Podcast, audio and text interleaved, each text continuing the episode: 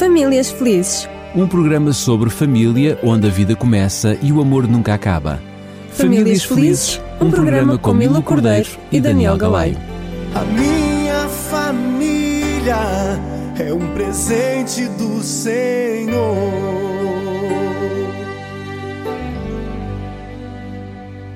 Estamos de volta para mais um Famílias Felizes. Quero cumprimentar a Milu Cordeiro mais uma vez, Milu. Obrigado por estares connosco. Olá, é mesmo Daniel. um privilégio estar a fazer estes É programas sempre contigo. muito bom, sem dúvida, nós termos esta alegria de podermos abrir a palavra de Deus e, como orávamos há, há pouquinho em off, porque sempre o fazemos antes de tomar a palavra, pedir ao Senhor que, através destas histórias bíblicas, o Senhor possa ir ao encontro de uma família ou de um elemento da família que possa ter um ou outro desafio e encontre nesta palavra hum, que é a Bíblia Sagrada a inspiração e a ajuda para as suas vidas. Então, que família é que nós vamos falar hoje? Então, olha, Daniel, é assim, nós como já, eh, portanto, na semana passada, eh, re- recordamos aquela história muito bonita e muito romântica, portanto, de Isaac, do seu encontro com Rebeca, e hoje, portanto, como semana passada vimos o início do seu casamento, hoje vamos continuar na família de Isaac, portanto, poderíamos dizer que é o programa Isaac 2, Isaac 1 foi semana passada, Isaac 2, e vamos hum, escutar uma história ou recordar uma história muito interessante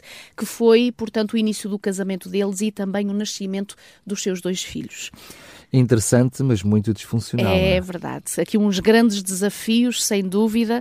E repara, eh, já agora fizeste-me eh, lembrar e pensar isto. Não é pelo facto de o casamento ser dirigido por Deus, nós conhecermos alguém por vontade de Deus, que era isso também que falávamos semana passada, com a ajuda de Deus, pela benção de Deus, que por si só nós estaremos isentos de qualquer desafio ou qualquer problema. E esta história nós vamos perceber isso mesmo. O facto de Isaac ter encontrado Rebeca ou alguém ter ido em nome do pai procurar alguém para ele, que foi por vontade de Deus, e, e reconhecemos isso que foi um casamento orientado pelo Senhor, mas a nossa humanidade aí está e infelizmente às vezes ela persiste mais do que a vontade de Deus em nós e depois vêm os desafios. O desafio começa logo no início, portanto, do casamento. Nós agora estamos a partir do capítulo 25 de Gênesis, portanto, que vem aqui a história, portanto, de, de Isaac e os seus, os seus descendentes. É interessante que diz aqui logo a partir do versículo 20 que Isaac era de 40 anos quando ele casou com Rebeca. Portanto, eu não sei se dissemos isso semana passada, já não me recordo, eh, mas era um, portanto, um, um jovem senhor nesta altura. É verdade que neste tempo, 40 anos, é como para nós fosse agora uns 20 anos, para aí, assim, mais ou menos, não é? Um, e é interessante que no versículo 21 diz que Isaac orou ao Senhor porque surgiu o primeiro desafio no seu casamento. E qual foi? É que a sua esposa era estéril. Portanto, ela não não concebia, portanto, não podia conceber, não, não tinham filhos, e é bonito ver que este homem, este marido, eh, este sacerdote e chefe de família, vai recorrer àquele que ele sabe que tem poder para tudo e pode resolver todas as coisas.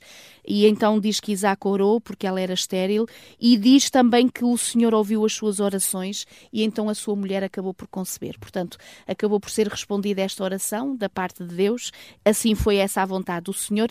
No entanto, é interessante que quando a Rebeca estava grávida, eh, ela sentiu, portanto, que assim como qualquer mulher que hoje me está a ouvir, quando se passou por esta experiência da gravidez, há aqueles meses em que nós começamos a sentir os filhos ali a mexerem-se bastante, não é? Portanto, a dar aqueles movimentos, se calhar alguns mais futebolistas do que outros, que nós sentimos no nosso ventre. E Rebeca é interessante que ela sentia isto de uma forma tão violenta que ela acabou por eh, dizer se é assim, porque é que eu vivo. Ou seja, possivelmente lhe estava a causar dor, possivelmente ela ignorava que afinal o que havia no ventre dela não era só um filho, Mas eram dois. eram dois. Portanto, vinham aí dois filhos, dois rapazes gêmeos, e, portanto, possivelmente por, diante destes desafios, ela começou a sentir essas dificuldades. O que é certo é que Deus lhe respondeu a esta oração, ou seja, a esta angústia que ela transmitiu em oração: Senhor, o que é que se passa? Afinal. O que eu mais queria aconteceu, que é a questão da gravidez, mas eu estou a sofrer tanto. E o Senhor lhe deu uma resposta como que uma resposta profética, ou seja, o Senhor vai lhe explicar o que é que estava a acontecer no ventre dela, portanto, o que é que havia, e ele diz mesmo isso no versículo 23, olha, afinal o que há no teu ventre são duas nações, são dois povos, são duas pessoas, e deles irá vir exatamente os descendentes, e o que é certo é que o povo eh, vão, vão ficar divididos, o mais velho vai servir ao mais novo.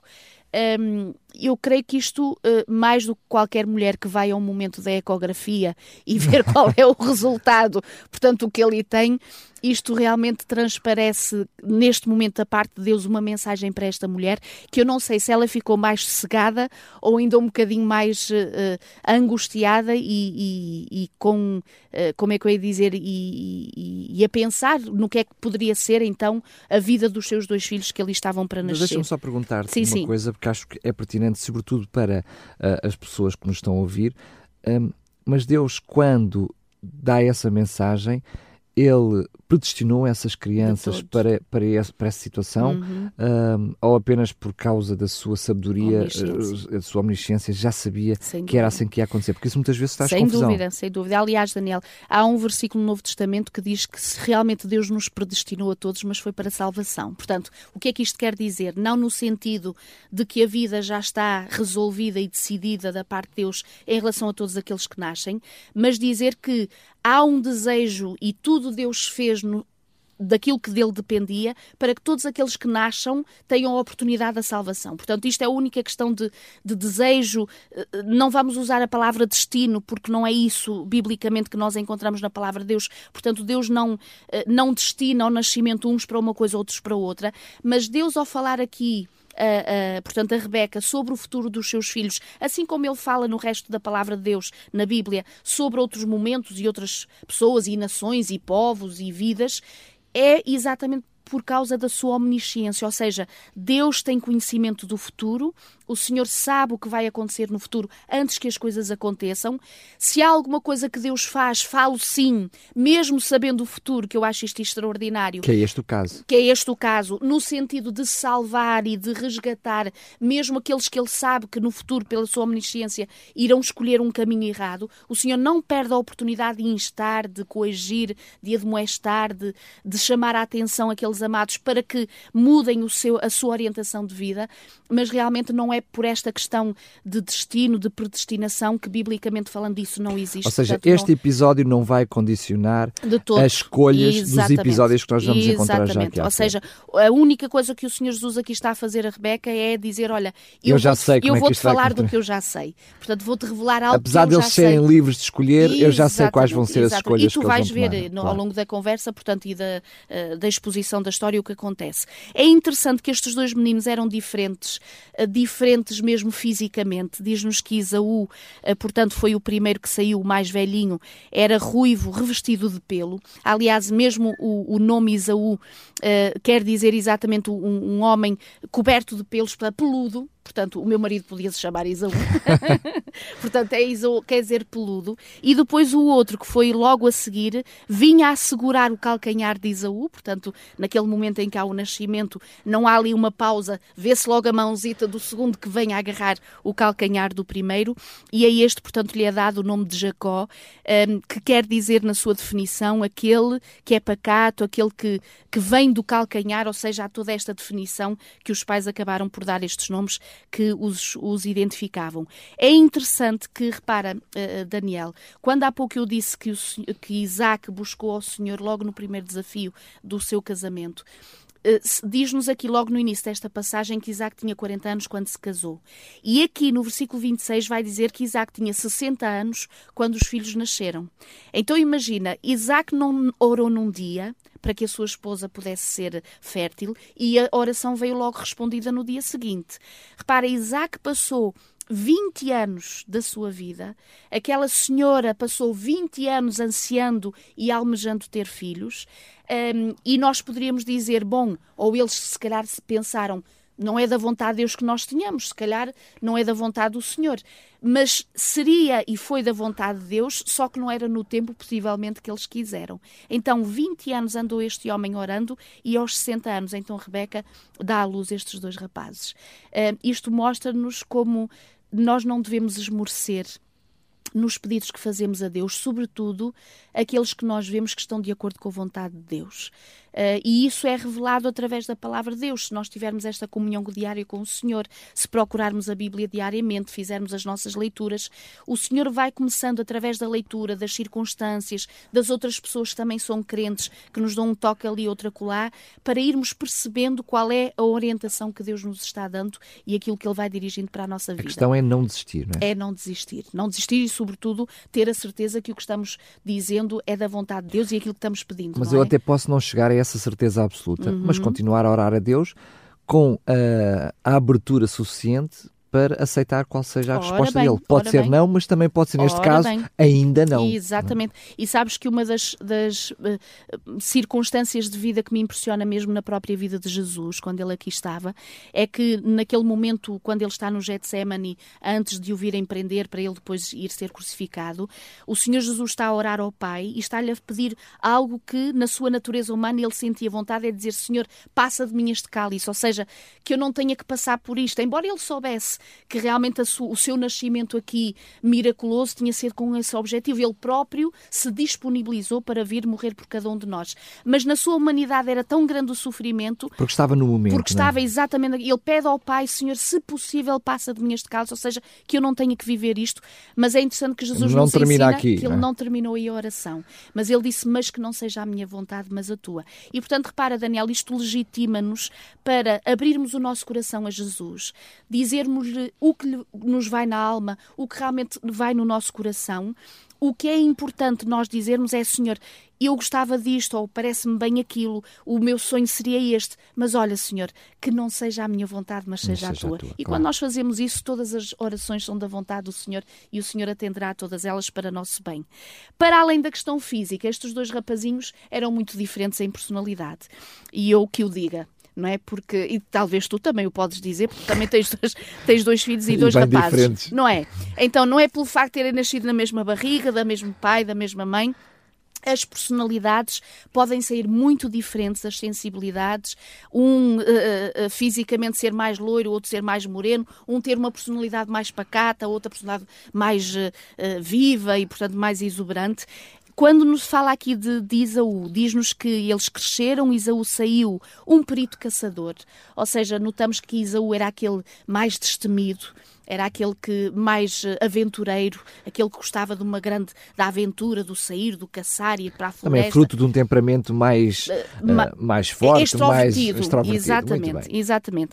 Enquanto que Jacó, diz aqui a palavra de Deus no versículo 27, estou no capítulo 25, portanto, de Gênesis, no versículo 27, diz que Jacó era um homem pacato que habitava em tendas. Estou a imaginar, portanto, um poderia se chamar o, Timóteo, que é o meu mais velho, e o outro poderia se chamar o Levi, que é o meu mais novo. Portanto, um mais pacato, mais sensível, mais discreto, mais paradito, e o outro nunca está quieto e anda sempre na aventura e, portanto, a desbravar tudo. O que é interessante também notar é que Uh, uh, Daniel, e aqui isto a Bíblia refere, se calhar não é por acaso que refere isso, aliás, nada é por acaso que é referido na palavra de Deus, diz que Isaac uh, amava a Isaú porque se saboreava da sua caça, portanto, uh, uh, tinha um gosto apurado, gostava da caça que Isaú ia fazer, enquanto que Rebeca apreciava mais e gostava mais do seu filho Jacó. Possivelmente, como mãe, estando em casa, e o outro, como andava sempre fora, o Jacó, como estava sempre perto da sua mãe, ela uh, criou uma ternura e criou uma empatia maior por este filho. O que é verdade, e repara, nós não estamos a dizer que também nós, por temperamento, como pais, não nos identifiquemos se calhar mais com um filho do que o outro. Digamos assim, até se calhar o outro cônjuge diz assim: olha, é exatamente tu. Não é? é mesmo, é exa olha, És tal pai, tal filho. Ou noutros momentos, tal mãe, tal filho, ou que seja. Mas o que é uh, perigoso, e nós acabamos por perceber que isto acaba por trazer uma grande consequência neste relato bíblico, é quando as nossas, vamos dizer assim, preferências, eu nem gosto de usar esta palavra, porque acho que uh, parece ser quase que colocar o outro à parte discriminatória. discriminatória. Não, não é isso.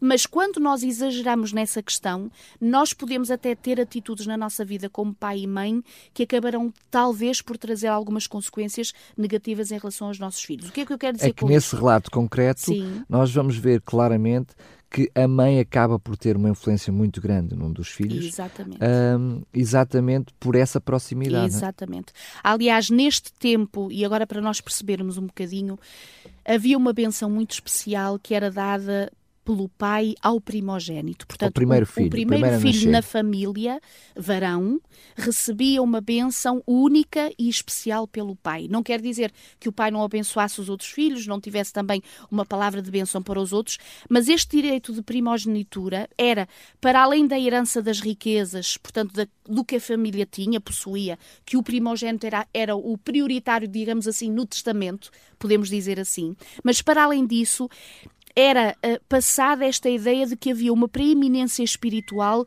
como sacerdote da família, ou seja... Havia também uma responsabilidade. Isso? É? ou seja, havia um passar a tocha, uma responsabilidade espiritual que o pai passava ao seu primeiro descendente, portanto, que era o seu primogênito, para que ele pudesse levar adiante a herança espiritual que havia recebido dos seus pais, dos seus antepassados. Portanto, era uma grande responsabilidade. Mas sendo que nós vamos perceber mais à frente da história, não quero adiantar-me na história, que efetivamente Jacó uh, acabará por ter uma atitude menos correta na procura precisamente dessa preeminência, uhum. mas antes de lá chegar, percebemos que o próprio caráter de Isaú Uh, se um, eu diria, eu não sei muito bem que palavra hei de usar, mas uh, menosprezava ou não valorizava. Não valorizava Exato. esse estatuto. Eu diria Exato. quer o estatuto, quer a responsabilidade. Exatamente. É? E repara, para além desta questão das próprias riquezas ou de responsabilidade espiritual, eles sabiam que seria através desta genealogia que viria a nascer o Redentor do mundo. Portanto, o Redentor,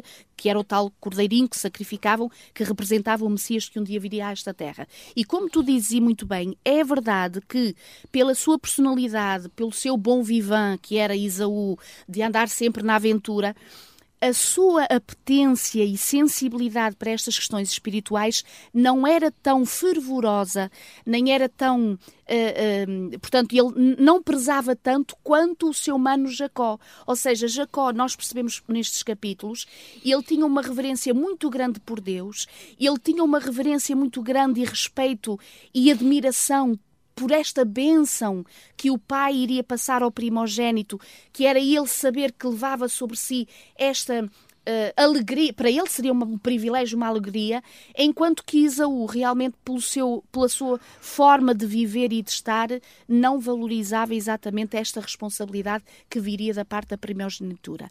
O que é certo é que e vemos isso nesta história, em determinada altura o uh, Jacó pede ao seu filho Isaú que vá preparar, vá para a floresta caçar um animal que ele estava com fome. Um, e, uh, e, ele sai, e o que nós sabemos é que quando uh, Jacó está a pedir isto ao seu filho Isaú mais velho, diz que depois que ele viesse, ele iria dar a bênção, portanto, iria ser abençoado na tal bênção da primogenitura. O que sabemos é que Rebeca ouviu a conversa de Isaú, de Jacó com o seu filho mais velho Isaú, e ela, como estava, repara, na sua mente também Repara que ela havia recebido, ainda a estava grávida, a tal mensagem do de Senhor dizendo-lhe que o mais velho iria servir o mais novo. Lá estamos nós aqui a tentar ajudar o quê? Ajudar dar Deus. uma mãozinha a Deus. Não? Vamos dar Olha, é verdade, o Senhor em tempos disse-me isto assim, assim, deixa E agora repara, Daniel, o que é incorreto aqui é quando nós usamos atitudes ou palavras incorretas, ou seja, são ações incorretas e palavras incorretas, para tentar implementar a vontade de Deus. Até porque tu estás a utilizar uma palavra dizendo que é vontade de Deus, mas a gente não sabia se era essa era a vontade, vontade de Deus. Deus. Exatamente, ou seja... Nós sabemos que Deus tinha dito que aquilo ia acontecer, exatamente. não sabemos se era essa é a vontade verdade, de Deus. É verdade, é? porque há muitas coisas que acontecem na nossa vida, tens toda a razão, às vezes não é porque seja vontade de Deus, mas é porque Deus permite e porque Deus respeita as a decisão escolhas, e as escolhas, exatamente. Agora, provavelmente era a vontade de Rebeca. Pronto, Também temos que juntar aí esse, esse fenómeno, porque como, era o filho preferido ora dela. Ora bem, é? como havia esta afinidade mais próxima, mais perto de Rebeca em relação a, a, a, Jacó, portanto ela faz, o que é que ela faz? Ainda, ainda não dissemos, portanto vamos dizê-lo, ela vai conversar com o seu filho mais novo e vai dizer, olha, enquanto o teu irmão vai caçar o animal para fazer o, o, o, para depois eu fazer a comida para o teu pai. Eu vou fazer agora a comida que eu sei o que o teu pai gosta e tu vais como se fosses Isaú, porque nós vamos agora dizer assim, como é que ele poderia ir enganar Jacó?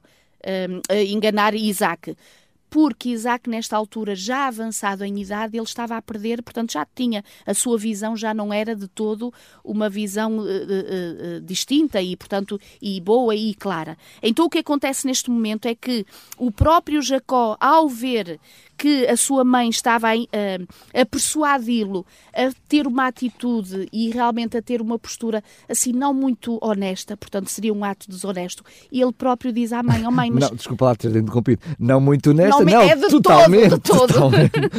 De todo, é verdade. E tanto que Jacó uh, dirige-se para a sua mãe, eu agora estou aqui no capítulo 27, e diz que, então, mas o, o, o Isaú, meu irmão, ele repara, para já ele é peludo, eu não sou, ou só o pai em tocar em mim, ele vai perceber que não sou eu, e então, em vez de me dar uma benção, mesmo que pequenina seja, eu vou ser é amaldiçoado.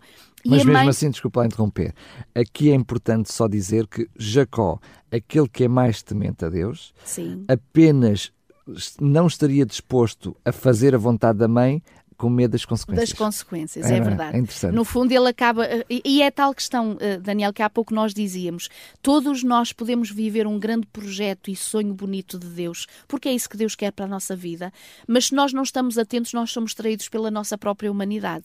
Porque acabamos. Os fins não justificam os meios, Exatamente. Não é? Nós acabamos por fazer uh, de forma incorreta eh, algo para a obtermos coisas que nós sabemos que são saudáveis e que são boas e que são projetos e planos de Deus. Mas por si só, essa iniciativa já é errada.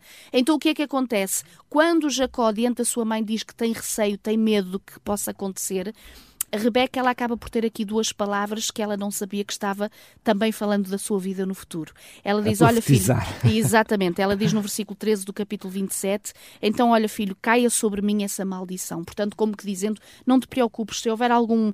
Eu coisa assumo corra... as culpas. É isso. Eu acabo por assumir e virá sobre mim exatamente essas dificuldades. E, e deixa-me só dizer: percebemos claramente que o plano que ela tinha engendrado já salvaguardava todas as coisas. Ela realmente pensou em todos os. Exatamente. E uma coisa que nós acabamos por, uh, uh, por não referir, mas que é importante dizer que acontece antes, que dá se calhar mais força a Jacó para seguir neste, uh, nesta, neste engano com a sua mãe, é que quando o, o Isaú vê Jacó cozinhar, porque ele, como era pacato, era um bom cozinheiro, portanto tinha aprendido possivelmente a sua mãe, passava mais tempo em casa, Isaú diz, olha, dá-me esse guisado que tu estás a fazer aí de lentilhas, do que seja, porque eu quase que vou morrer.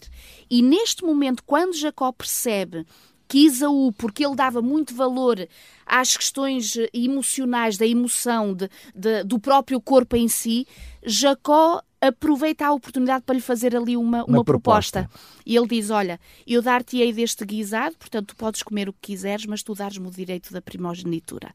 Como se Jacó tentasse encontrar uma justificação para fazer aquilo que ele sabia que a priori ele não tinha direito. Portanto, a primogenitura nunca iria para o segundo filho, seria sempre para o primeiro. Mas por incrível que pareça, digamos nós agora. Mas como ele estava prestes, prestes a perdê-la, não é? Exatamente. Um pouquinho mais à frente, tenta, o, Isaú seria abençoado. Exatamente. Portanto, Jacó tenta em extremis. Isso, ver, deixa lá ver se isto funciona, porque ele percebia e sabia que o seu mano Isaú era um bom vivan, era um bom, um bom garfo, como se costuma dizer. Mas também dizer. tinha que saber que Isaú estava-se, peço desculpa a expressão, estava-se pouco nas é tintas é ou, ou, nas tintas para esse Exato. direito. Aliás, ele não é próprio... é pelo, por isso, nós hoje, pelo momento, não é até o, o, o é um, é, um, é, um, é um episódio conhecido popularmente Isso. pelo ridículo que acaba Exato. por ser, mas apenas e só porque realmente, não só para as coisas espirituais, mas até para as coisas é materiais, uh, Isaac, Isaú, Isaú, não, estava, não estava para aí virar. Aliás, Jacó pode ter pensado assim, senhor, mas como é que um irmão como o meu, que não preza, que não, que não, tem, não valoriza de toda esta questão de bênção, de, de herança espiritual, como é que vai Estou ser mal ele? Emprego, não é? Exatamente, então, mas eu sou melhor, eu, eu sou muito, não é? Eu iria aproveitar, eu iria, eu iria dar valor ou o que eu faria com esta benção, não é? E podemos pensar que passou tudo isto pela mente. O que é certo é que Isaú, diante destes desafios e com o cheirinho daquele guisado, falou-lhe mais altas as emoções do que a razão. E diz que, nesta altura, uh, Isaú não dá portanto, desvaloriza completamente a questão da primogenitura e diz: tudo bem, fica com isso a primogenitura, eu não quero saber nada disso, dá-me mas é de comer, que senão eu vou morrer. Eu quero é comer, eu quero é comer. Pronto, isto foi dar então a tal força e criar as circunstâncias para que realmente a mãe e ele acabassem por levar, o que é que ela fez? Foi buscar uns pelos de animais, portanto, umas peles de animais, colocou nas mãos, colocou no pescoço, eh, portanto, de Jacó, e ele vai junto do pai com o tal guisado que a mãe havia preparado para receber a tal bênção. O que é certo é que, diz-nos a palavra de Deus, Isaac ficou ali um bocadinho indeciso, um bocadinho desconfiado, assim, mas quem é que está aí? És tu, meu filho Isaú? És tu, Jacó? E ele diz, não, Jacó, não, uh, Isaac, sou eu, Isaú, teu filho mais velho. E ele diz, chega-te aqui mais perto para eu te conhecer. Ele estranhou a brevidade, não era? Exato. Foi o tempo, foi também possivelmente o timbre de voz, possivelmente Isaac já não ouvia muito bem e também se enganava um pouquinho, e por isso ele quis tocar-lhe. E qual era a questão do tocar? Era porque claro, Isaú era peludo, conhecia, é? Exatamente, ele conhecia Isaú. Mas quando Rebeca tinha pensado em tudo, tudo. realmente. Ela havia posto exatamente lá as peles do, dos animaizinhos e quando Isaac toca, pensa sinceramente que está na presença do seu filho Isaú. Então lá é dada, portanto, a bênção ao primogênito, portanto é quase que um hino, um hino de bênção que Isaú proclama e, portanto, e, e passa ao seu filho. O que é um, interessante é que quando Isaú, entretanto, chega, portanto, ele dá o beijo a Jacó, pensando que é Isaú, abençoa, dá-lhe a bênção, portanto, faz a oração com ele, despede-o. Entretanto, chega Isaú, já com tudo pronto, vem à tenda do pai e diz: Pai, eu cheguei, estou aqui, olha, vou então preparar para tu me dás a bênção. E Isaac fica confuso e pergunta a Deus: Mas afinal, como é que te dou? Então, mas eu já te dei a bênção. E por e... outro lado, Isaac, muito temperamental, tinha-se esquecido completamente do acordo que tinha feito com, com uh, Jacó, não é? Exato, exato. O Isaac, ao, exato. ao perguntar, então vais-me dar a benção quando sabia que já tinha vendido pelo prato de lentilhas. Exatamente. Vê-se como ele é temperamental. Repara, e até se nota, não é, é o Isaú que diz isso. Exatamente. Portanto, o próprio Isaú acaba por demonstrar por isso mesmo hum, vou dizer assim, a jovialidade e a ligeireza com que ele tratava destes assuntos, de se tiver tenho, se não tiver não tenho, não há problema se for agora, pode ser depois, que ele nunca pensou que o seu mano Jacó levasse tão a sério e ele próprio desconsiderou e esqueceu-se completamente do poder da palavra que ele havia assegurado diante do seu mano uh, Jacó. E, e sabes, Daniel, isto também pode ser para nós um ensinamento consoante o tempo passa, e eu digo isto porque uh, não sou desse tempo, e tu também não és, mas eu sei que no tempo dos nossos avós ou bisavós, ou se calhar antes, bastava a palavra, nem era preciso uma assinatura para a pessoa ter a certeza de que aquilo. Era como se fosse um contrato Isso, registado seja, no cartório. Não? É? Força da palavra, portanto, a palavra tinha poder. Eu dou-te a minha palavra. Hoje, quando a gente ouve, eu dou-te a minha palavra, Uh, muitas vezes nós sabemos que a palavra que hoje saiu amanhã vai ser completamente diferente. É como as palavras de Isaac. Isso mesmo, ou seja, Isaú, diz Isaú. Diz acaba olha, por não ter. Uma coisa que, que estou a pensar agora, mas que é impressionante é Isaac dá a bênção a Jacó, uhum. está a dar a bênção ao uhum. filho errado. Exato. Essa é uma bênção que não vem do próprio Isaac, vem de Deus. Exato. Um, mas Deus mesmo assim concede permitiu, permitiu. através do poder da palavra de Isaac. É? Exatamente, é? exatamente. Aliás, nós vamos ver em Porque programas. Isaac um... estava-se enganado, mas sem Deus dúvida, não, não. Sem dúvida. Mas mais para a frente nós vamos ver na história que vai seguir agora com a vida de Jacó, com a família de Jacó, um, tudo o que houve em consequência exatamente desta, um, desta atitude desonesta, das consequências que ele vai ter, mas também ao mesmo tempo a oportunidade que ele terá para a reconciliação com Deus e com a sua própria família. O que é certo é quando Isaú se apercebe na presença do seu pai e ele próprio diz: Mas meu filho, eu acabei de abençoar e pensei que eras tu, afinal eu dei a bênção ao teu mano mais novo, portanto a Jacó. Um, diz que Esaú ficou tão enraivecido, ele ficou com um ressentimento tão grande em relação ao seu filho, ao seu mano, ao seu mano Jacó, que ele dá a entender, e repara, por exemplo, no versículo 41 do capítulo 27, diz que passou Esaú a odiar a Jacó por causa dessa bênção, com que seu pai o tinha abençoado, e disse consigo: Próximos viram os dias de luto pelo meu pai. Então eu matarei a Jacó, meu irmão.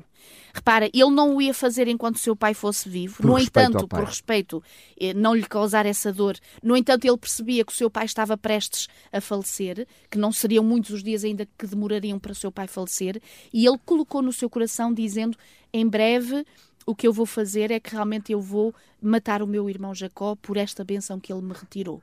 Mas nós vemos aqui que, para além das razões que, Isaac puder, que, que Isaú pudesse ter, porque o que Jacó fez não é de todo correto, é Exato, é óbvio, exato. mas uh, Isaú esqueceu-se da sua própria culpa nisto tudo. É? Exatamente. Da sua própria responsabilidade. É, é a tal questão, todo. Daniel, que dizíamos há pouco. Ele próprio não tinha consciência do valor e do poder de uma atitude imprudente, de uma palavra imprudente, um, que lhe traria exatamente as consequências, quando, no fundo, o que aconteceu foi que o seu estômago falou mais alto que a sua própria mente. E repara e depois do estômago cheio, oh, já que exatamente. já e, e repara, diferente. é interessante isto. Isto já agora é, um, é uma, um tópico assim eh, de, de poder social, na vertente social grandes negócios se fazem é onde? À volta de uma mesa. À mesa, percebes? Ou seja, ainda hoje nós temos, e realmente todo este, tudo o que nos rodeia faz, eh, faz-nos chamar a atenção para, para o nosso estômago, para as nossas sensações, as nossas emoções, e muitas vezes quem fala de um negócio à mesa fala de uma infidelidade, se calhar que alguém perdeu a cabeça por um momento que estragou toda a sua vida, porque as emoções são eh, conquistadas, são atraídas, são despertadas por toda uma sociedade e tudo que está preparado para não tanto nós vivermos com princípios e valores e Ou raciocínio. Seja, exatamente, para não ser, eh, não ser a parte racional a tomar as decisões, mas ser a parte emocional. emoção. Aliás, o marketing, a estratégia de marketing de vendas é ora essa bem, mesma, ou é seja, verdade. é levar-nos a que sejam as sensações bem, ora e as bem. emoções a tomar Exatamente. decisões. Mas uh, vimos aqui que uh, Jacó, até, até este processo, apesar de ser o, desculpa lá a expressão, mas eu vou usá-la com intenção. Sim. O filho mais cristão, ou pelo menos o aparentemente, o mais, aparente cristão. mais cristão a tomar todas as, as atitudes uh, erradas. Vemos aqui agora Isaac a ele ter uma atitude. Isaac ou Uh, Isaú? Desculpa, Isaú? uh, estou mais repetidamente a, a trocar Isaac com Isaú. Sim. Isaú a tomar uma atitude impulsiva mais uma vez, Exato. muito da sua, da sua postura, Personalidade. da sua personalidade. Exato. Mas agora, quando vamos continuar a história, vamos encontrar um Isaú parece bem mais cristão, não é?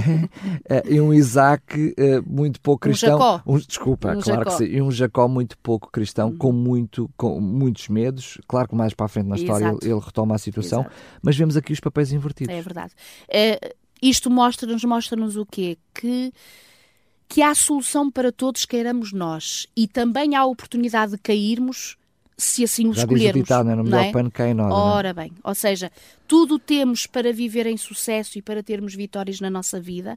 E quantos dissabores muitas vezes vêm à nossa família, repara até por esta questão das emoções. Às vezes somos capazes de dar uma resposta ou ter uma atitude que posteriormente, quando caímos em nós e já estamos, como costumamos dizer, de cabeça fria, nós, ei, como é que eu fui capaz de dizer isto? Como é que eu fui capaz de fazer E, isto? e a responsabilidade ainda é maior se, se formos vistos pelos outros como os tais cristãos, não é? Ora como bem, aqueles que tentam bem, imitar Jesus, não é? Ainda é E- pior. E, esta grande incoerência de vida marca muito os cônjuges quando conhecem o outro entre a sua postura na casa e a sua postura na igreja, que pode Por ser exemplo, diferente, é? por exemplo, e depois os filhos também, que perceberão que se calhar o pai ou a mãe têm uma postura diferente à frente das pessoas ou na igreja ou o que seja, e depois na sua própria casa são completamente diferentes. E é mais não grave, porque depois não é o pai que está em causa, mas é ou a- a os, pro- princípios. os princípios. é? Exatamente. Então, e Deus aca- e depois começa a haver ali uns anticorpos a desenvolverem-se na vida dos filhos, quando dizem afinal isto a mim não me interessa,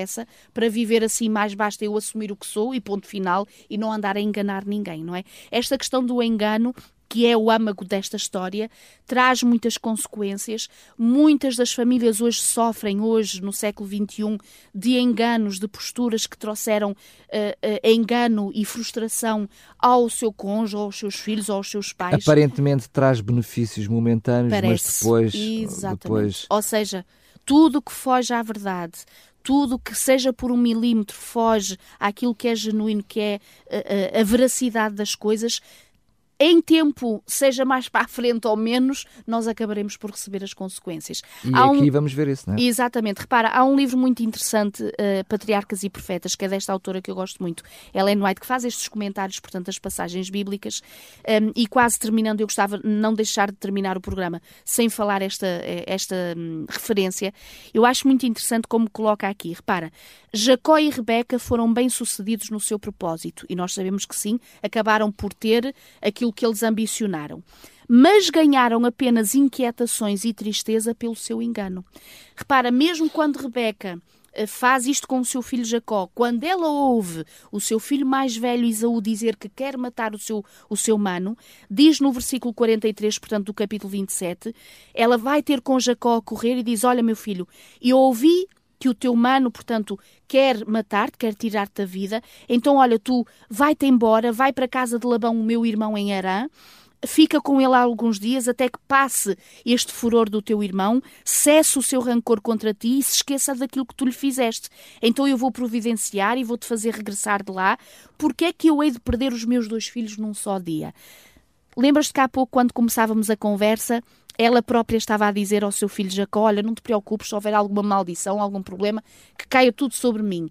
E esta senhora, infelizmente, porque também não foi uh, zelosa no cumprimento da vontade de Deus, ela no mesmo dia acaba por perder aquele filho que lhe era mais próximo, portanto Jacó, porque tem que fugir porque o seu irmão o quer matar, e seguramente sente a inimizade do seu filho mais velho, a hostilidade dele em relação à mãe, porque ele percebeu o quê? Que a mãe, afinal, ajudou e colaborou para que o engano fosse feito atra através do seu mano mais novo. Então esta querida, por um momento de um, de humanidade, Daniel. Num momento de humanidade, ela acaba por perder aquilo que ela tinha seguramente como mãe, que era a dedicação, a presença e o poder conviver com os seus dois filhos. E depois esta citação continua dizendo assim: Deus declarara que Jacó receberia a primogenitura, portanto, ele já tinha dito isso. E a sua palavra ter sido cumprida no tempo que lhe aprovesse, se tivessem pela fé esperado por ele, a fim de operar em favor deles. Mas, semelhantes a muitos que hoje professam ser filhos de Deus, não estiveram dispostos a deixar esta questão nas suas mãos. E repara, Deus pode ter e seguramente tem planos maravilhosos para nós, seja no casamento, de escolha de alguém, seja na nossa profissão, a escolha de um ministério profissional. E muitas vezes a ambição, a nossa inquietação, as nossas emoções acabam por fazer-nos precipitar em atitudes que não quer dizer que lá para a frente, e depois nós vamos ter a oportunidade disso, Deus não nos possa recuperar, o Senhor não nos possa perdoar e junto superar connosco aquilo que trouxemos sobre nós, mas acabamos por perder aquilo que eu costumo dizer, Daniel. Deus tinha um voo para nós para fazermos assim uma altitude bem, bem grandinha e nós acabamos por continuar nesta vida a voar na mesma, mas, mas não é aquela muito, altitude. Muito mais baixinho. Exatamente. Sendo que Rebeca aqui uh, acaba por receber a, outra parte da profecia que provavelmente ela nunca pensou que estaria a contribuir para ela. Porque a primeira, de que o filho mais novo iria ter supremacia sobre o filho mais velho, ela até gostava da ideia, Exato. mas provavelmente nunca pensou naquilo que Deus As... disse, que eles iriam ficar separados. Exato. Divididos, divididos, duas nações duas divididas. Nações divididas. É ela não pensou que essa divisão não, não, não ia ser só entre os próprios uhum, filhos, uhum. mas também entre os pais. É? Porque Exato. o próprio Isaac também se viu privado. Claro, uh, claro, claro. Imaginemos como é que Isaú. Uh, Isaac, o Isaac se sentiu. Sim, como é que o. o não, o Isaú se, uh, o filho mais velho. sentiu com, com, com, a situação. Uh, e mesmo assim percebemos que há aqui um respeito para com o pai, portanto Exatamente. ele tenta não não trazer-lhe mais não tristeza trazer mais, mais tristeza, mas certamente vimos um, um, uma família ela toda destruída ora bem, ora bem. por causa de uma é atitude. É e isso é, um, denota um, um, princípio muito importante que não convém esquecer. Todos nós que temos esta graça, esta benção de sermos parte de alguma família, de uma família, seja ela de sangue mais chegada, ou de uma igreja, ou de uma empresa, ou que seja, um, nós não somos ilhas, ou seja, tudo aquilo que nós fazemos, a atitude que nós temos, os pensamentos, as palavras que de nós saem, saem pode contribuir para o equilíbrio, para a harmonia daqueles aos quais nós pertencemos, ou então o contrário. Repara, uma atitude, um pensamento nesta família que partiu do, do, da mãe em relação ao seu filho, aquele que ela tinha mais perto de si, acaba por trazer tristeza a ela, para começar logo por ela que perdeu os seus dois filhos, claro. no sentido de, de, portanto, estarem ali perto e amando-a. Depois, seguramente, do marido, quando ele seguramente tem esta conversa, que é que tu foste fazer, como é que isso te passou pela mente, não é? Seguramente como casal claro. conversaram sobre isso. E no dia a dia viver a angústia da, da separação bem, ora bem. Filhos, a é? partir é? dali ficou marcado para sempre e nunca poderiam ter esquecido, nem podiam esquecer aquele grande erro que haviam feito no passado.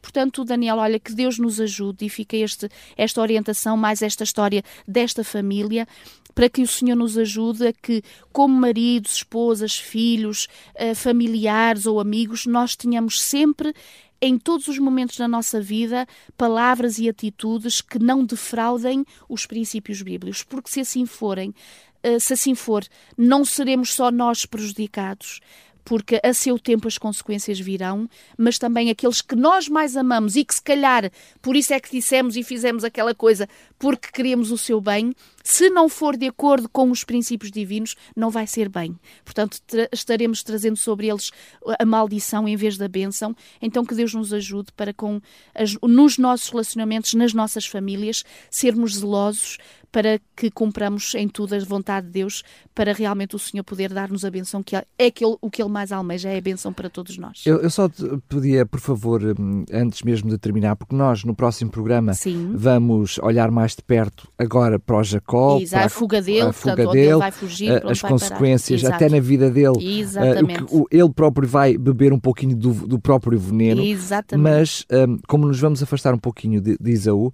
um, este, este homem, Isaú, uh, apesar de ter esta, esta raiva, esta ira para, para com Jacó, uh, mais à frente consegue uh, deixar-se influenciar por Sem Deus dúvida. E ter uma atitude de perdão Uhum, para, uhum, para com uhum. o seu irmão. Aliás, Ou seja, vimos aqui que apesar de uma traição destas, isso. apesar desta de uma grande revolta, dor de sofrida, uma grande dor, É. mesmo assim, com a ajuda Sem de Deus, dúvida. é possível Sem retroceder o Sem processo. não é? dúvida. Uh, uh, daqui a um, dois programas ou três, já não me recordo, nós vamos continuando, portanto, nesta, nestes estudos, mas um dos programas mais bonitos que aí virão é exatamente a reconciliação entre Jacó e Isaú. Portanto, como Deus, apesar de nós muitas vezes falharmos nos nossos relacionamentos e magoarmos-nos mutuamente uns aos outros, Deus sempre nos dará a oportunidade para nós reconsiderarmos, reconciliarmos, perdoarmos, superarmos para verdadeiramente podermos viver aquilo que um dia perdemos por causa das Ou nossas seja, se nos está a ouvir e ouviu este programa e diz, mas eu, eu, eu já meti a pata no poço, Ah, então, mas um há esperança, há esperança, Há esperança. há, sem dúvida. E há é continuar a ouvir atrás. Famílias Felizes e a encontrará exatamente essa esperança, sem dúvida. Muito bem. Ok, Ahm, agora sim, Milu, Um chegamos beijinho. ao fim. Um beijinho muito até grande. Obrigado. semana. Até o próximo programa. Obrigada. Famílias felizes. Um programa sobre família onde a vida começa e o amor nunca acaba. Famílias Felizes, um programa com Milo Cordeiro e Daniel Galaio. A minha família é um presente do Senhor.